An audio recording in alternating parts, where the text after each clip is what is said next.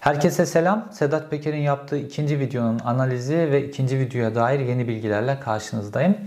Peker videosu, ikinci videosunu daha çok Mehmet Ağar üzerine oturttu ve işte benim ta 10 ay önce yaptığım 5 ton kokainle ilgili konuyu şimdi gündeme getiriyor ve benim ta o zaman sorduğum bu 5 ton kokain Kolombiya'da yakalandı da Türkiye'de bu kime teslim edecekti? Karşıda operasyon niye yapmadınız? sorusunu şimdi soruyor 10 ay sonra. Güzel. Bu soruyu sorma noktasına gelmiş olması da güzel. Sedat Peker bu videoda Mehmet Ağar'la ilgili bazı şeyler söylemeye başladı. Söylediği şeylerin içerisinde de bazı şeyleri söylemedi. Bunlar çok önemli. Mehmet Ağar'ı karşısına alma dengesini anlamamız açısından bunlar çok önemli. Fakat Pelikan grubunun içinde de ben geçen sefer söylemiştim. Pelikan grubu demek Berat Albayrak demek. Açık açık Berat Albayrak de dememişti. Fakat bu sefer Pelikan grubunun içerisinden bir ismi açıkça söyledi. Bu isim de önemli. İsmin ifade ettiği mana da önemli. Sedat Peker'in ikinci videosunun analizi ve yepyeni bilgilerle karşınızdayım.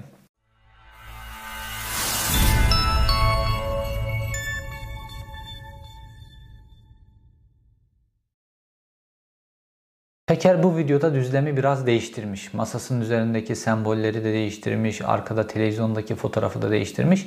Bu videoda başka mesajlar vermek istiyor ve o başka mesajlara göre masasını yeniden düzenlemiş ve söylemini de yeniden düzenlemiş. Şimdi şuna bir vurgu yapıyor.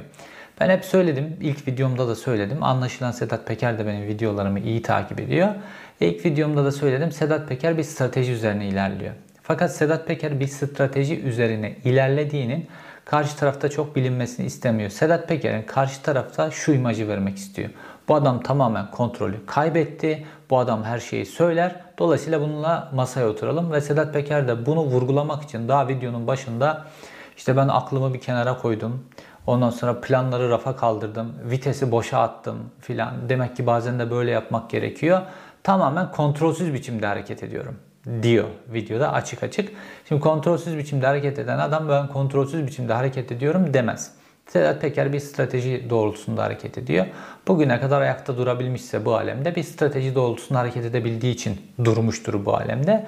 Ve şimdi de bu strateji doğrultusunda hareket etmesi gerekiyor. Ve burada da temel stratejisini Mehmet Ağar üzerine oturtmuş gözüküyor. Neden?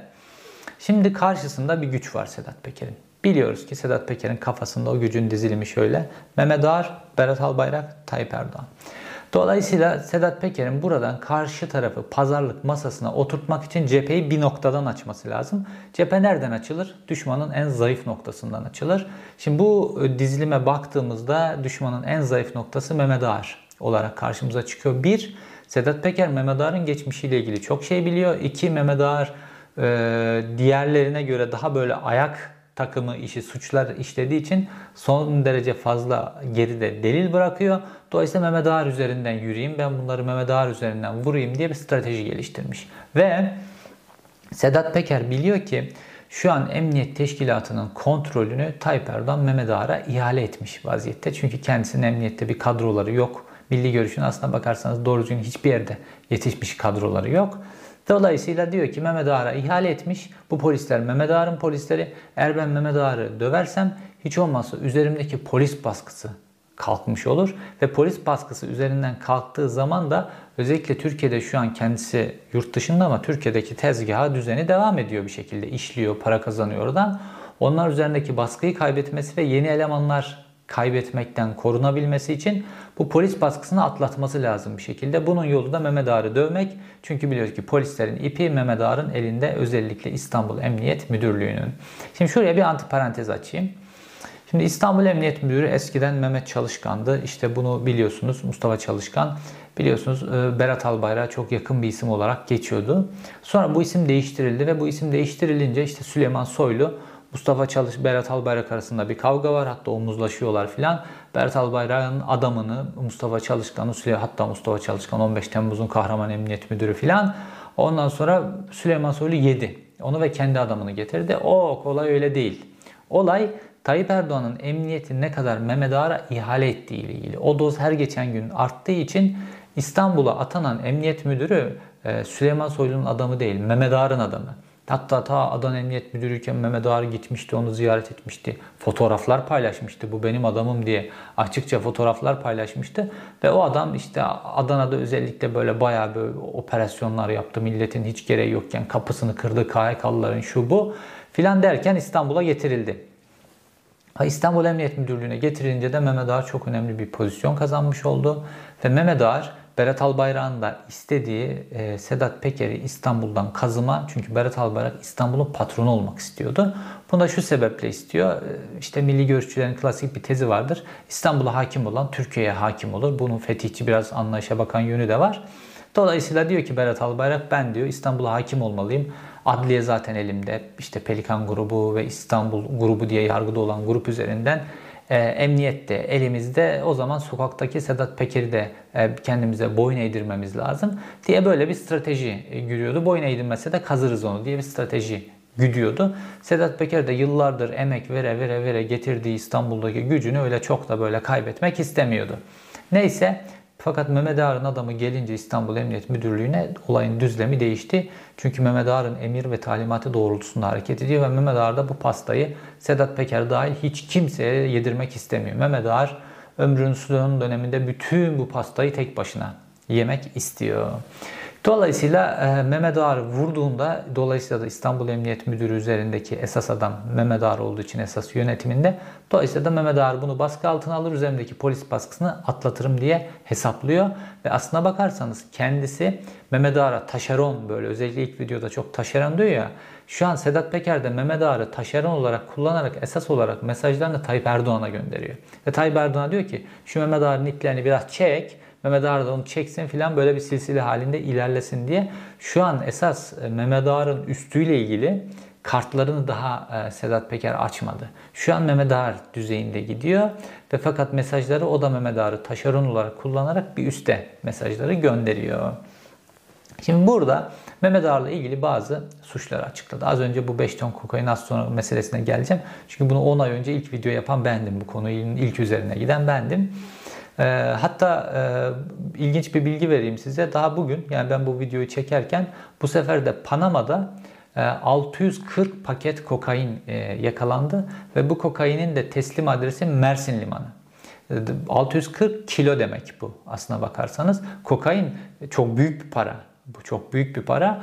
E, bu da yakalandı. Karşı tarafta alıcı olan e, Mersin Limanı olduğunun belirtilmesine rağmen karşı tarafta Türkiye'den bu paketleri kim alacak? Muz paketlerinin arasına gizlenmiş. Bu paketleri kim alacak diye hiçbir operasyon yapılmadı. Tıpkı 5 ton kokain operasyonunda olduğu gibi. Ama biz Mehmet Ağar olayı üzerinden önce devam edelim. O konuya sonra geleceğiz. Şimdi Mehmet Ağar'la ilgili iki tane suç açıkladı Sedat Peker bu videoda. Birincisi işte Beykoz konaklarında olan havaya ateş, e, daha doğrusu evin içerisinde meskun mahalde ateş açma olayı. İkincisi de e, bu Kazak e, kızın ölmesi, öldürülmesi meselesiyle ilgili olay. Şimdi bu ateşleme olayı aslına bakarsanız basit bir olay. Yani evin içerisinde havaya sıkmış Mehmet Ağar'ın oğlu Tolga Ağar. Sonra bu da komşular ihbar ettiği için polis gelmiş. Onunla ilgili işte Tolga Ağar milletvekili ismi geçmesin diye olayı şoförün üstüne yıkmışlar. Şoföre de bir tane orada kuru sıkı ateş açtırmışlar. Şoförün eline barut izleri gelmiş. Ona da Sibop diyor. Sibop değil Swap aslında. Orada yanlış söylüyor Sedat Peker. Swap elinin swapını almışlar. Dolayısıyla da iş olayın üzerine yıkılmış. Fakat bunu anlatırken yani bu basit bir olay. Bunu anlatırken e, işin içerisinde oraya hangi polis memurları, hangi polis emniyet amirleri gelmiş isim isim veriyor. Orada işte Mehmet Ağar varmış, Tolga Ağar varmış, kız arkadaşı varmış, Mustafa Sarıgül'ün oğlu Emir Sarıgül varmış. Ee, kim varsa onunla Sezgin Baran Korkmaz varmış falan isim isim veriyor. Bunların HTS kayıtları diyor, o diyor, bu diyor.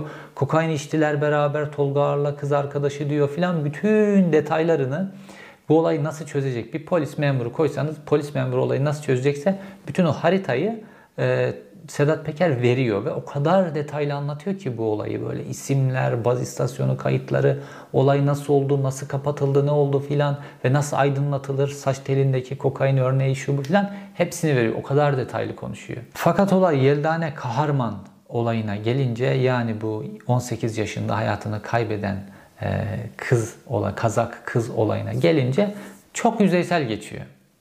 Şimdi burada bir cinayet, tecavüz, durumu söz konusu ve bunun örgütlü olarak, organize olarak üzerinin kapatılması söz konusu.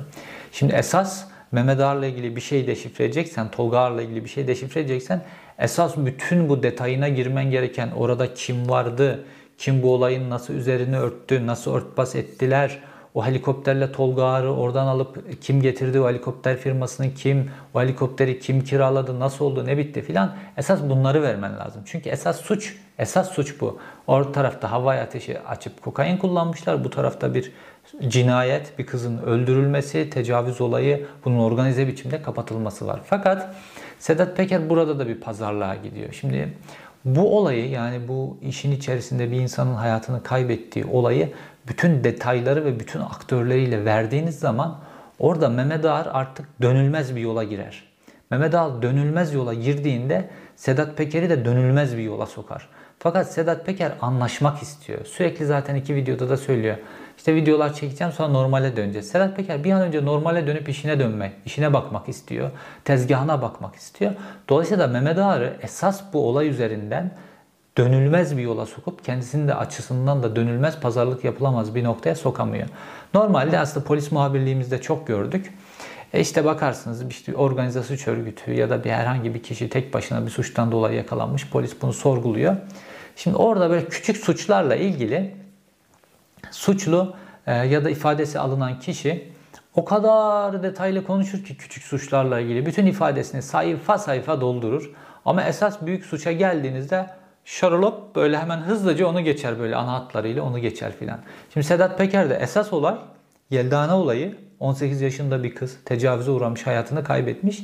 Onunla ilgili bütün detayları vermesi gerekirken havaya ateş açılması olayıyla ilgili neredeyse saç telinden tut da neye kadar bütün detaylarını orada yaşamış gibi bütün detayları veriyor.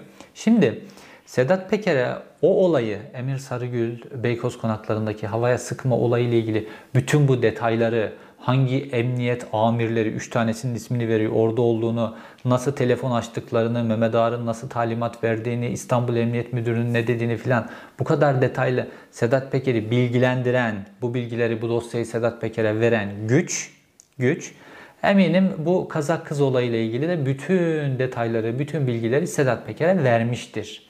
Şimdi bu güç kim olabilir? Bir de burası çok önemli. Şimdi ben Sedat Peker'in anlattıklarına bakıyorum. Geçen videoda da söyledim ilk anlattıklarıyla ilgili. Ya Sedat Peker'e polis operasyon yapmış vesaire ama Sedat Peker normalde bununla İçişleri Bakanı ile ilgili bir şeyler söylemesi lazım. Süleyman Soylu hep pas geçiyor. Sedat Peker. Bir de video yapmıştım. Sedat Peker'i Süleyman Soylu'nun kurtarmış olabileceğine ilişkin bir video yapmıştım. Onu da izleyebilirsiniz. İlk yurt dışına çıkışıyla ilgili. Şimdi burada da hiç Süleyman Soylu yok ortada. Sanki İçişleri Bakanı o değil de Mehmet Ağar tamamen onun üzerine e, odaklanıyor ve enteresan Süleyman Soylu'ya da yakın bazı medya organları, bazı gazeteciler var. Ben onlara da baktığımda, onların işte web sitelerine falan baktığımda bu Sedat Peker'in açıklamalarını inanılmaz büyütüyorlar. Çok öne çıkarıyorlar Sedat Peker'in açıklamalarını. Hatta Sedat Peker'in videosunu indirip birebir hiç hani böyle haberleştirmeden filan birebir kendi takipçilerine paylaşıyorlar, yayınlıyorlar YouTube kanallarından. Sedat Peker'e e, Süleyman Soylu'ya yakın gazeteciler yapıyor bunu ve medya organları yapıyor bunu. Şimdi Süleyman Soylu da Süleyman Soylu ile Mehmet Ağar arasında bir gerilim var eskiden beri. O Doğru Yol Partisi'nin işte genel başkanlık meselelerinden başlayarak Doğru Yol Partisi ile ilgili hatta Süleyman Soylu Mehmet Ağar'a res çekip ayrılmıştı filan partiden. Sonra Mehmet Ağar sonrasında döndü geldi tekrar. Dolayısıyla Süleyman Soylu da şimdi Mehmet Ağar'ı karşısına alıp İçişleri Bakanlığı'nda bir arkası yok o kadar Süleyman Soylu'nun. Çünkü Mehmet Ağar kadar polis gücü, mülkiyeli gücü yok. Fakat Süleyman Soylu habire yeni polis, habire yeni işte kaymakamlar, şunlar bunlar alıyor. Dolayısıyla da kendi kadrosunu yetiştiriyor yavaş yavaş ama zamana ihtiyacı var. Bu zamana ihtiyacı olduğu süre boyunca da Mehmet Ağar'la kavga etmek istemiyor. Dolayısıyla işte Tayyip Erdoğan'ın da Mehmet Ağar'ın arkasında durarak İstanbul Emniyet Müdürlüğü, Ankara Emniyet Müdürlüğü, işte terörle mücadele şube başkanlığı, istihbarat başkanlığına falan oralar atama yapılmasına sesini çıkarmıyor. Stratejik olarak Mehmet Ağar'la Süleyman Soylu kavga etmiyor. Fakat şimdi Sedat Peker'in Mehmet Ağar'ı dövmesi Süleyman Soylu'nun işine geliyor. Çünkü Mehmet Ağar hem bir şeyle uğraşmak zorunda kalıyor hem de Mehmet Ağar güç kaybediyor. Dolayısıyla bir denge herkes kendi herkes kendi oyununu oynuyor burada. Tayyip Erdoğan kendi oyununu, Mehmet Ağar kendi oyununu, Süleyman Soylu, Sedat Peker herkes kendi oyununu oynuyor. oynuyor. Dolayısıyla Sedat Peker'i kim enforme ediyor böyle? Devletin içerisinden bu kadar bilgileri kim alıyor? Hatta Sedat Peker kendisine operasyon yapan savcının baskı altına alınarak bu operasyonu yaptırıldığını ve bunun içinde e, acaba bu savcı ile Sedat Peker'in arasında bir bağ var mı diye polise savcının telefonlarına terörle mücadeleden sorumlu, organize suçlarla mücadeleden sorumlu ağır ceza savcısının telefonlarının dinlettirildiğini bile biliyor. Sedat Peker bu kadar bilgiyi nereden alıyor devlet içerisinden Sedat Peker? Böyle işte kendi gözaltına alınacağını biliyor. Hop Balkanlara çıkıyor. Balkanlarda paket yapıp getirileceğini haber alıyor. Hop Fas'a geçiyor. Fas'tan işte isteniyor falan filan. Hop Dubai'ye geçiyor falan. Hep bilgilendiriliyor. Kim bilgilendiriliyor? Acaba Süleyman Soylu mu bilgilendiriyor Sedat Peker'i böyle? Mehmet Ağar'a karşı Mehmet Ağar'ın gücünü kırması için bir aparat olarak kullanmak için. Yoksa Süleyman Soylu ile Sedat Peker arasında da böyle bir anlaşma mı var? Herkes anlaşıyor ya. Sedat Peker Nisan'da dönmek üzere devletle anlaşmış hükümetle anlaşmış filan, devlet büyükleriyle kendi deyimiyle anlaşmış. Herkes herkesle anlaşılabilir, anlaşabilir durumda demek ki. Şimdi böyle Sedat Peker Mehmet Ağar'a karşı acayip cesur. Mehmet Ağar'a karşı. Ve e, pelikancılara geldiğimizde pelikancıları da işte belli bir noktada dövüyor. Ama onlara karşı, al bayraklara karşı bu kadar cesur değil. Şimdi gelelim Sedat Peker'in ağzından ikinci videoda ilk defa al bayrak soy ismi kısmı çıktı. Serhat Albayrak meselesine. Şimdi Sedat Peker diyor ki e, bu olaylar diyor olduğunda diyor ondan sonra ben de diyor olaylar ilerlediğinde bir tane tanıdığım akrabası varmış. Onu göndermiş e, Serhat Albayrak. Serhat Albayrak kim? Sabah ATV'nin e, içinde olduğu Turkaz Medya grubunun başkanı ve aslına bakarsanız şu an bütün medyayı Tayyip Erdoğan adına yöneten kişi. Tayyip Erdoğan'ın medyadaki baronu Serhat Albayrak. Ve Serhat Albayrak'ı göndermiş. E, demiş ki işte ya bu Sedat Peker'le ilgili böyle şeyler oluyor filan. Bu nedir? Aleyhine haberler çıkıyor medyada filan. Serhat Albayrak da demiş ki ya demiş ne alakası var bizimle ne alakamız var bizim cenahta e, işte e, sevilir Sedat Peker filan bizim bu konularla hiçbir alakamız yok. Sedat Peker'e yönelik operasyonla ilgili de bu medyayla da çıkanlarla ilgili de filan. Demiş Sedat Peker de iyi tamam demiş filan. Çünkü Serhat Albayrak Berat Albayrak'ın kardeşi aynı zamanda. Tamam demiş. Sonra diyor ki Sedat Peker, aa diyor evime operasyon oldu. İlk gelen ATV. Bir de drone getirmişler evin üstünde uçuyor canlı yayın yapıyorlar filan. Ha diyor ki şimdi Sedat Peker o zaman Albayrak ailesi pelikancılar siz de bu operasyon içerisindesiniz beraber yaptınız bu operasyon diyor ve medya ayağını siz yönetiyorsunuz diyor. Çünkü medya Sedat Albayrak'ın elinde. Berat Albayrak adını daha ağzına almadı e, Sedat Peker ama kardeşinin Serhat Albayrak'ın ismini ağzına aldı. Şimdi 9 ay önce Sedat Peker'in işte son çektiği videolarda Sedat Peker açıkça Berat Albayrak söylemişti. Ve hatta kendisine yurt dışına çıkış olayında diyor ki işte sanki geri dönecekmiş gibi her şeyi ayarladım. Yeni programlar koydum, o yaptım, bu yaptım. Uçağa bindim, uçağım tam kalkarken uçağı durdurdular. Bir saat uçağın içerisinde bekledim, uçak durdurdular. Herhalde o sırada hükümet e, üyeleri, polis, yargı, şunlar bunlar filan konuşmuşlar. Tapelerine bakmışlardı Sedat Peker'in filan programlarına. Ya adam dönecek, yarına program koymuş, öbür güne program koymuş filan. Herhalde öyle bir kanaat oluşuyor orada. Ve adamın çok da adamı takip edip suç dosyası biriktirmeye çalıştıkları için bu istihbarat dosyası ya bu hazırlanan dosya takip eder, suç biriktirir. Dolayısıyla diyor ki sonra ben uçağı bıraktılar bir saat sonra. Fakat orada uçağı bir saat durduranın Berat Albayrak olduğunu söylüyordum.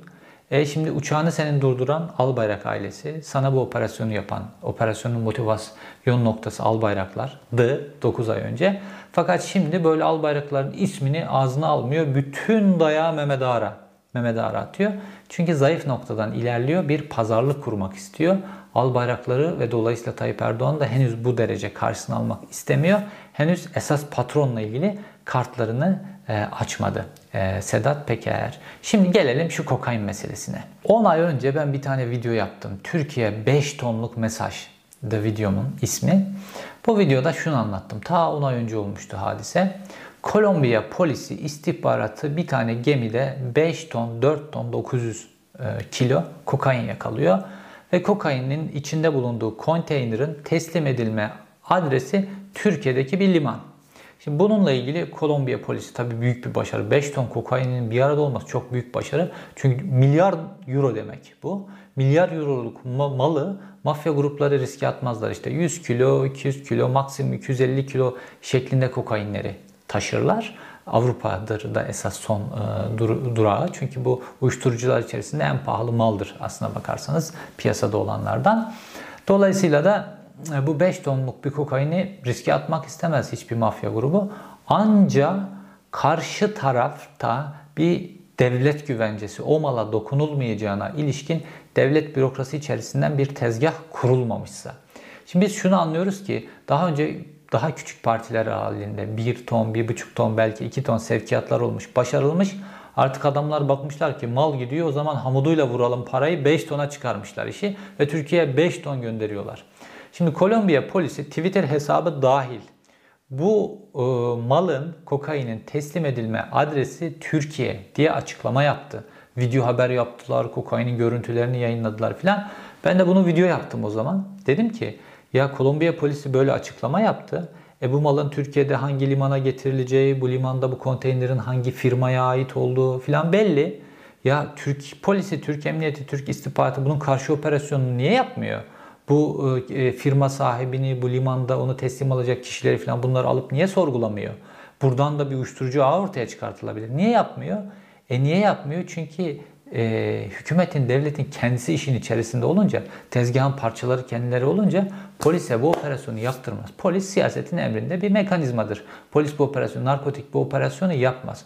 Şimdi Sedat Peker onunla Mehmet Ağar'ı ilişkilendiriyor ve diyor ki ima ederek Türkiye'de şu an bu pastanın patronu Mehmet Ağar, Giller. Dolayısıyla da emniyette onların emirleri. Dolayısıyla da bunlar bu operasyonu, karşı operasyonu yaptırmadılar. Şimdi bugün ne oldu? Fakat ben bu videoda bunları sordum. Bu karşı operasyon niye yapılmıyor? 10 aydır sordum. Hatta başka videolarda da dile getirmiştim. Hiçbir şey olmadı. Şimdi Sedat Peker bu konuyu gündeme getiriyor. 10 ay sonra Mehmet Ağar'la ilişkilendiriyor. Güzel bir gelişme. Şimdi bugün daha bugün e, Panama'da bir gemi durduruldu. Yine e, Güney Amerika merkezli olarak yola çıkmış. İşte Panama'da duruyor. Ondan sonra da üçüncü, ikinci, üçüncü durağı da Türkiye olacak Mersin Limanı. Ve geminin içerisine muz kolileri içerisine e, saklanmış 650 paket kokain yakalandı. 650 kilo. Yani bu da çok büyük bir e, sevkiyat. E şimdi bununla ilgili karşı operasyon nerede? Bu mal kime gelecekti? O muzları teslim alacak firma belli Türkiye'de. O muz firmasına, o muz firmasının yetkililerine ve oradan ağa filan. Nerede operasyon, karşı operasyon? Yine aynı şekilde Panama polisi bunu Twitter'dan dahi paylaştı. Türkiye yazdılar, Türkiye Mersin Limanı yazdılar. Her şey yazdılar. Ama yok, karşı operasyon yok. Niye? E çünkü koruma devlette olunca bu işin kimi kime şikayet edeceksin? Devlet koruyor zaten. Bu zaten bu kadar tonlarca şey böyle bir devlet koruması, devletin bürokratlarının koruması, siyasetçilerin koruması olmadan olmaz. Türkiye'de eskiden beri böyle. Hatırlarsanız eskiden İnci Baba diye bir mafya lideri vardı. Çankaya Köşkü'nde Demirel tarafından ağırlanırdı. Şimdi de böyle. Şimdi de herhalde o konuma Mehmet Ağar'ı filan koydular. Şimdi o ağırlanıyor. E, Çankaya Köşkü'nde oğlunu veriyor. Marmara bölgesinin AK Parti sorumlusu yaptılar. Tolga Ağar'ı Sedat Peker'in bu kadar pisliği e, deşifre ettiğinin ertesi günü. Şimdi Türkiye'de geçmişten beri dünyanın farklı ülkelerinde de böyledir. İşte bu derin devlet mi dersiniz, Gladio mu dersiniz, bu yapılar, o bir taraftan terör örgütleri dediğimiz yapılar, yeraltı dünyası bunların hepsinin temel finansmanı uyuşturucudur. Esas para buradadır. Ha bir grup vardır. Kendisi bizzat uyuşturucu satmaz ama uyuşturucu satan gruplara haraç keser. Dolayısıyla kendisi bizzat e, uyuşturucu satmamış olur. Böyle mafya grupları da vardır ama temelde bütün finansman işte bu susurluğun, susurlukçuların finansmanı da şu bu filan bu memel hepsinin temel finansmanı uyuşturucudur. Ve bu uyuşturucu pazarı, uyuşturucunun transit yolu e, Türkiye ne kadar çok olmuşsa Türkiye'de bu mafya gruplarının, derin devletin, Mehmet Ağar gibi adamların daha daha daha güçlendiklerini görürsünüz. Çünkü ne kadar para varsa o kadar çok hakimi de satın alırlar, savcıyı da, polisi de her şeyi de düzenlerler. Bu paranın gücüne, bu büyük kara paranın gücüne devletlerin karşı koyması mümkün değildir. Çünkü devletler bürokrasi üzerinden hareket ederler ve bu mafya grupları bu paranın gücüyle kilit bürokratları satın aldığında devletin mücadele edebilme yeteneği ortadan kalkar. Bu nedenle bu mafya gruplarına çok sert olmanız ve e, ülkenizin üzerinden bu kadar büyük paraların bu kadar büyük sevkiyatların olduğu bir düzen kurmamanız lazım. Çünkü bu o mafya gruplarını öyle bir güçlü hale getirir ki devlet mekanizması olarak başa çıkamaz hale gelirsiniz. Bürokratlarınızın satın alınması nedeniyle. Şimdi Türkiye buna yol verdi. Para gelsin de bir şekilde ülkeye. Para lazım ülkeye, döviz lazım. Türkiye buna yol verdi. Yol verince mevcut e, iktidar buna yol verince de işte böyle gruplar güçlü hale geliyor. Artık birbirleriyle videolar üzerinden savaş başlatıyorlar. Bu geldikleri gücü de göstermesi açısından önemli. Bir diğer mesele Veli Küçük meselesi. Şimdi Sedat Peker burada aslında benim bir önceki videoma cevap veriyor. Diyor ki ya işte yorum yapıyorlar filan ben diyor Veli Küçük'le diyor hapisten çıktığımdan beri görüşmedim. O sebeple ya da bu sebeple görüşmedim diyor. Orada bir de Korkut Eken'in ismini gündeme getiriyor. Şimdi Veli Küçük kritik bir adamdı. Türkiye'de çok uzun süre ve işte bu özellikle Güneydoğu meselesi başta olmak üzere Kürt iş adamlarının kaçırılması, öldürülmesi, Kürt siyasetçilere yapılan suikastler, JITEM olayı filan bunların hepsinin göbeğinde Veli Küçük vardı. Dolayısıyla Veli Küçük'ün de böyle güçlü, kudretli bir adamdı. O zaman hani Tuğ General'de albay rütbesindeyken daha çok bu işleri yaptı. Sonra paşa oldu. Paşa olduktan sonra da emekli oldu. Ve daha öyle albay paşa rütbesindeyken or generallerin kendisinden korktuğu bir adamdı. Bu derin e, gücü nedeniyle. Ve Sedat Peker de bunu daha o genç yaşlarında keşfetmişti Veli Küçük'ün bu gücünü ve Sedat Peker işte bu ulusalcı, Avrasyacı filan dediğimiz e, kesimin babası yani operasyonel babası dediğimiz adam Veli Küçük'tü. Sedat Peker de onun adamıydı. Sedat Peker Veli Küçük abisi ne istiyorsa onu yapıyordu. Şimdi diyor ki benim irtibatım yok ve Veli Küçük'le olan bağını da kopartmak istiyor Sedat Peker. Ve ulusalcılarla bir bağ olmadığını da videoda uzun uzun anlatıyor. Diyor ki ben diyor öyle diğer ulusalcılar gibi Rusya, Çin filan bunlarla benim ilişkim yok. Ben Turancıyım filan diyor. Ve ulusalcılarla bağını koparıyor ama bir taraftan da onları övüyor. Diyor ki işte bunlar Ergenekon yargılamasında en çok Perinçek grubu filan dik durdu falan filan diyerek onlara da diyor ki ya diyor benimle ilgili niye bu haberleri yayınlıyorsunuz ulusal kanaldan filan yapmayın filan. Onlara da bir zeytin dalı e, uzatmış oluyor. Şimdi Veli Küçük derin bir adam. Veli Küçük önemli bir adam. Ha şu an emekli olmuş olabilir artık o hapis sürecinden sonra çaptan düşmüş olabilir filan. Ama Veli Küçük ve bağlantıları bir şekilde devlet içerisinde güçlü. Devlet içerisinde kim kimin diye adamı diye baktığımızda Alaaddin Çakıcı mesela daha çok Milliyetçi Hareket Partisi'nin ve dolayısıyla Milli İstihbarat Teşkilatı'nın adamıdır. Ve hep onlarla çalışmıştır. Sedat Peker ise böyle daha çok askerlere yakın işte Veli Küçük filan, Ojiten filan onlara yakın durmuştur ve onlarla çalışmıştır. Ve Mehmet Ağar da işte İçişleri Bakanlığı, polis filan onlar ayağındaki o derin devlet daha böyle çetevari bir derin devlet kısmını temsil eder. Fakat Mehmet Ağar da böyle Veli Küçük'le filan onlara karşı böyle çok saygılıdır. Onlarla hiç çatışmaz filan. Böyle bir dağılım söz konusu ve normalde işte bulunduğu yaş itibariyle artık Sedat Peker'in şu an gücünün doğrunda olması lazımdı. Yeraltı dünyası itibariyle bunu hak ediyor. Çünkü devlete o kadar yatırım yapmış, o kadar örgütlenmiş olmuş, bu olmuş, hapis yatmış, çıkmış filan. Bütün o yaptığı yatırım, bütün o birikimleriyle şu an Türkiye'nin babası olabilecek yaşta, tam çağında yani. Ama tam çağındayken adam ülkeden söktüler. Adam Türkiye'yi terk etmek zorunda kaldı filan. Bununla ilgili de bir kızgınlık var. Ve dolayısıyla orada da Veli Küçük meselesiyle ilgili o videonun o kısmında bana cevap veriyor. Ama burada cevap vermesi gereken başka bir şey var. Şimdi diyor ki benim bana, bana operasyon yapacak savcı Alim Yaşar'ın telefonlarını dinlediler diyor. Emniyet dinledi. Ve dolayısıyla da savcıda şöyle bir psikoloji oluşturdular. Bu savcının da kulağına sızdırdılar bunu diyor.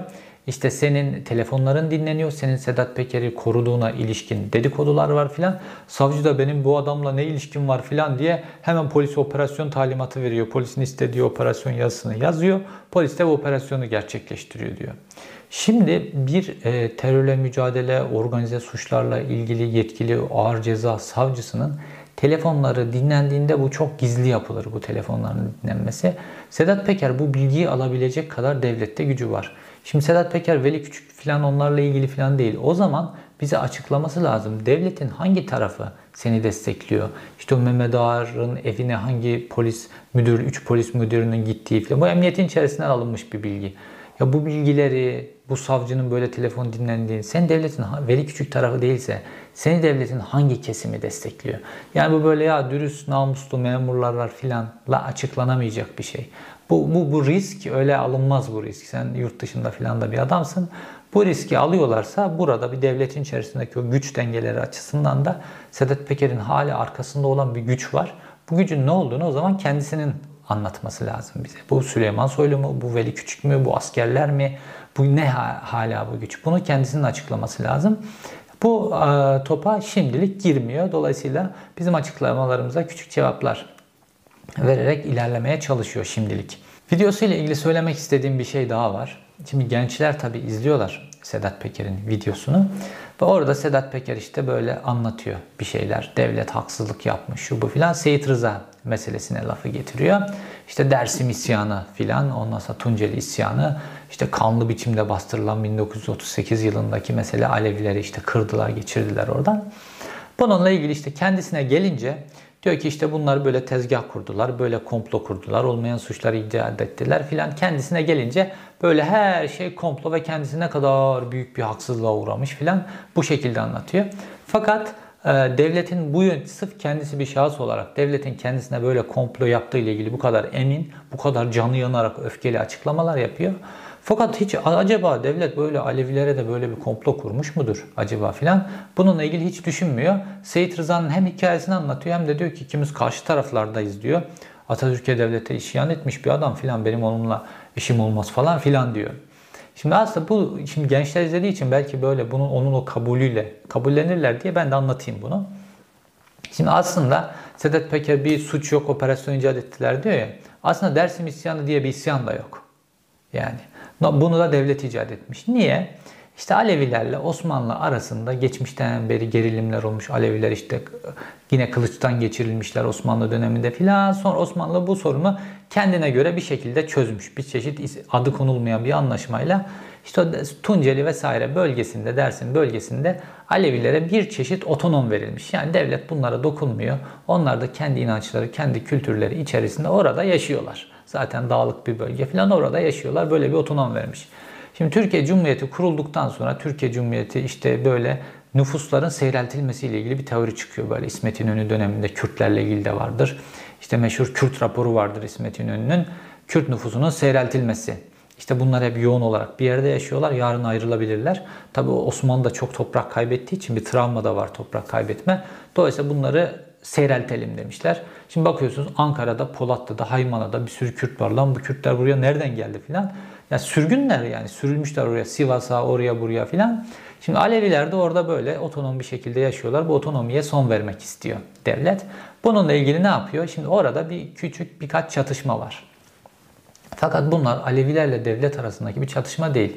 İşte bir jandarmanın bir e, işte Alevi köyünde bir kıza yaptığı sarkıntılık falan gibi hadiselerle köylüyle jandarma arasında gerilim. Alevilerle devlet arası değil, köylüyle jandarma. Her yerde olabilir, Ege'nin köyünde de olabilir. Böyle bir gerilim. Şimdi bu alınıyor. Ondan sonra Aleviler devlete isyan etti diye böyle medyada bir o zamanın gazetelerinde propaganda, meclis gündemine getiriliyor filan, haberler yaptırılıyor filan. Aleviler isyan etti. İsyan. Olmayan bir isyan önce medyada icat ediliyor. Olmayan isyan icat edilince de devletin bütün güçleri oraya gönderiliyor. E millet de bizi kırıp geçirecekler bunlar diye insanlar ister istemez dağa kaçıyor. Ha dağa da çıktınca adın eşkıya oluyor. Ondan sonra oradan insanları mağaralarda öldürdüler. Kılıçtan yine geçirdiler. Ondan sonra da işte bir kısmını sürdüler Tokat'ta, orada, burada filan Alevi köyleri dağıttılar oradaki nüfusu seyrelttiler ve baskı altına aldılar onları. Sonra da işte Seyit Rıza'yı ipe götüren, idam ettiren süreç gerçekleşti. Şimdi böyle e, ezberden konuşuyor. Sedat Peker dahil ezberden konuşuyor. Kendisine gelince bütün o devletin komplolarına inanılır. Fakat başka kesimlere gelince aa devlet hiç komplo yapmaz. Sedat Peker tamamen devletin yanındadır. Kürtlerle ilgili, Alevilerle ilgili, bütün kesimlerle ilgili tamamen devletin yanındadır. Aa ama kendisine gelince devlet bütün organizasyonu bir araya gelmiş komplo kurmuş Sedat Peker'e. Buna inanmamız istiyor. Fakat Aleviler meselesine gelince benim onlarla işte tam karşı görüşüm ama filan devlete isyan eden adamlar filan isyan misyan yok ortada. Bunu da bir anti parantez genç dinleyicilerimize anlatmak için Sedat Peker'in anlattığı tarihe değil normal hani bu işin gerçeğine gerçek bununla ilgili kitaplar yazılmış. Onlara bakarak bu konuları inceleyebilirsiniz. Şimdi Sedat Peker bu videolarda konuyu toparlıyorum. Bu videolarda Mehmet Ağar'la ilgili bir şeyler söyledi. Sedat Peker daha gerçekten konuşmadı. Mehmet Ağar'ın gerçek suçları var ve Mehmet Ağar'ı geri dönülmez noktaya itecek suçlar var.